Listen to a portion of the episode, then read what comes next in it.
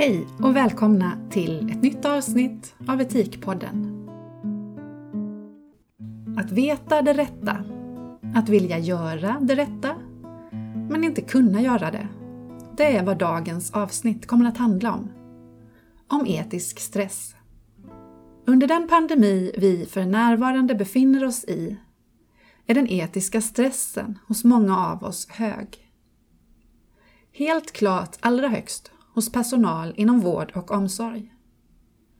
En enkätstudie gjord i Region Örebro under 2020, ledd av docent Mia Svantesson Sandberg, visade att av de 1440 inkomna svaren upplevde mer än hälften, 52 procent, av sjukvårdspersonalen etisk stress i arbetet.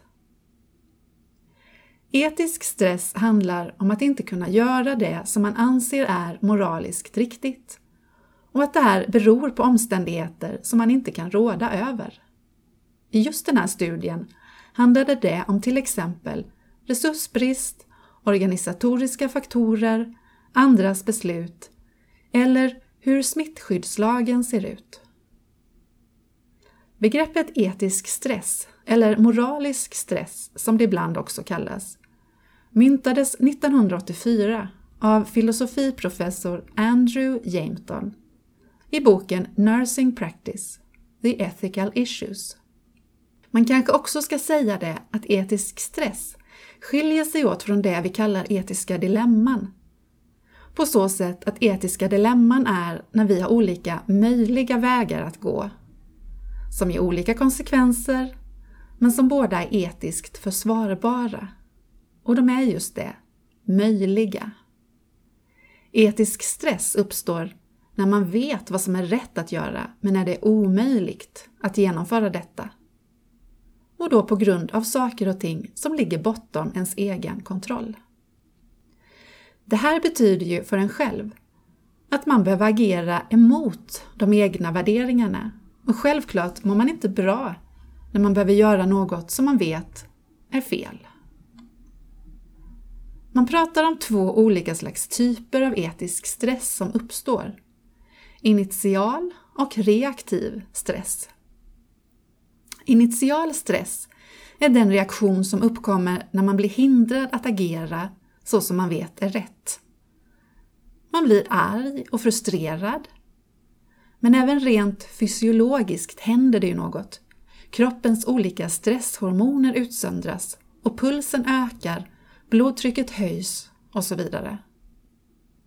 Den reaktiva stressen kommer när man sen inte kan göra något åt orsaken till stressresponsen. När man tvingas fortsätta agera emot sin etiska kompass. Man kan bli ledsen, nedstämd, få svårt att sova, äta och upplever vanmakt. Och samtidigt behöver man också hantera den skam och den skuld som uppstår utifrån att inte kunna göra rätt. För även fast det hela beror på något som ligger bortom ens kontroll, så försvinner ju inte känslorna som hänger samman med att göra fel, skammen och skulden per automatik för det. I förlängningen kan detta leda vidare till psykisk ohälsa, utbrändhet, depression, och även till det som kallas emotionell avtrubbning. Att man stänger av sina känslor. Att man skruvar ner empatin. Det gör för ont helt enkelt att känna allt detta dag ut och dag in. Att vi möter etiska utmaningar i våra olika jobb är ju inget konstigt. Istället handlar det om vikten av att bygga upp en beredskap i verksamheten för att kunna förebygga situationer som kan bli etiskt stressande och veta vad som behövs om de trots allt skulle ske. När det gäller att hantera etiskt stressande situationer så behövs dels reflektionsstöd och avlastande samtal, både i grupp och enskilt. Man kan också tänka sig att handledning behövs för både personals och chefs räkning. Och dels så behövs återhämtning. Utan återhämtning blir alla andra insatser något mindre verksamma skulle jag vilja påstå.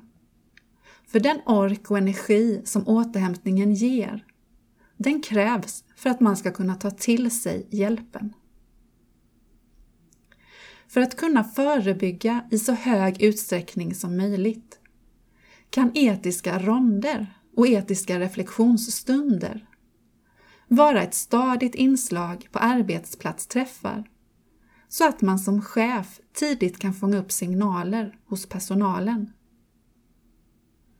På sådana möten kan man tillsammans reflektera kring etiska dilemman och svåra situationer. Och man kan utforska möjliga tillvägagångssätt och vad de resulterar i utifrån ett etiskt perspektiv. Det ligger alltså ett stort ansvar på chefens både organisatoriska och relationella förmågor för att kunna hantera och förebygga etisk stress. Och där ett invaliderande bemötande, alltså ett icke-bekräftande bemötande från chefen, ofta upplevs som ännu värre än kanske inget bemötande alls. Att få en klapp på axeln och höra vi kämpar på. När det är ett annat arbetsschema eller mer material som behövs. Det raserar ibland mer än vad det är tänkt att lappa ihop.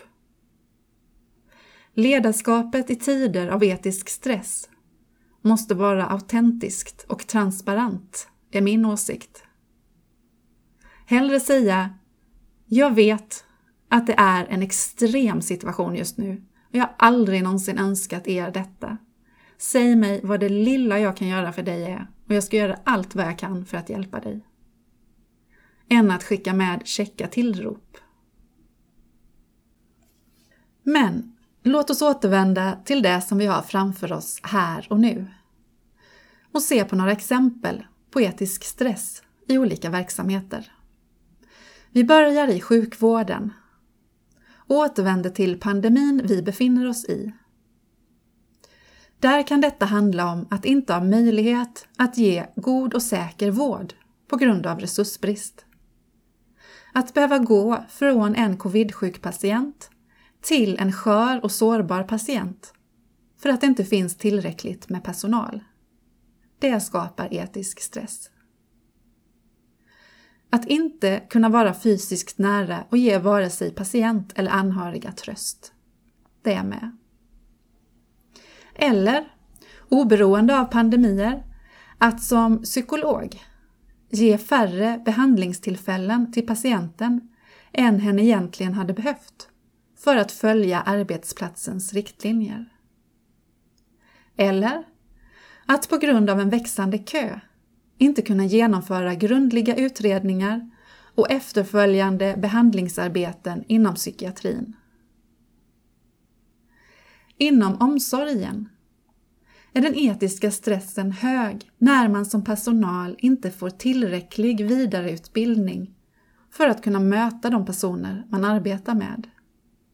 Eller att vara hänvisad till en metod som inte stämmer överens med det synsätt man själv har. Och i skolan kan vi ta följande exempel. Att veta vad eleven behöver, men inte räcka till på grund av resursbrist. Och det kan innefatta såväl tids som personalbrist. Eller att behöva prioritera vilka av eleverna som får tillgång till mer vuxenstöd och ett mindre sammanhang för att lokalerna inte räcker till. Men ska det vara så här? Som i alla de här exemplen? Jag lyssnade på psykolog Christina Taylor på psykologidagarna för några år sedan och hon var då ordförande för psykologernas etiska råd. hon sa något som fastnade hos mig. Hon sa att ibland kan vi behöva lite civil olydnad för att vi ska kunna förändra saker och ting. Och jag tänker att ja, så är det. Att eh, civil olydnad ibland är ett helt adekvat påverkansmedel i absurda situationer. Civil olydnad är att protestera mot att ett beslut inte är etiskt riktigt. Etiska skäl kan behöva synliggöras och ibland är att gå emot vad som är sagt enda sättet att göra detta. Att vägra fortsätta eller att göra även fast. Att medvetande göra för omvärlden att något inte står rätt till, helt enkelt. Men det kommer inte vara det som blir månadens fråga till er. Vad ni skulle kunna utöva er civila olydnad kring. Utan istället blir frågan vad ni kan göra för att förebygga etisk stress i er verksamhet. Hur kan ni tidigt identifiera tecken på att det finns en obalans mellan vad man vet är rätt och behöver göras och vad man har möjlighet att faktiskt göra? För att kunna skapa förebyggande handlingsplaner så att varken personal eller person blir drabbad. Ett förslag är som sagt att införa etiska ronder på varje arbetsplatsträff. Med önskan om en fin månad till er och så hörs vi snart igen. Glöm inte att dela Etikpoddens avsnitt så att fler kan hänga med på det här etikåret. Hej så länge!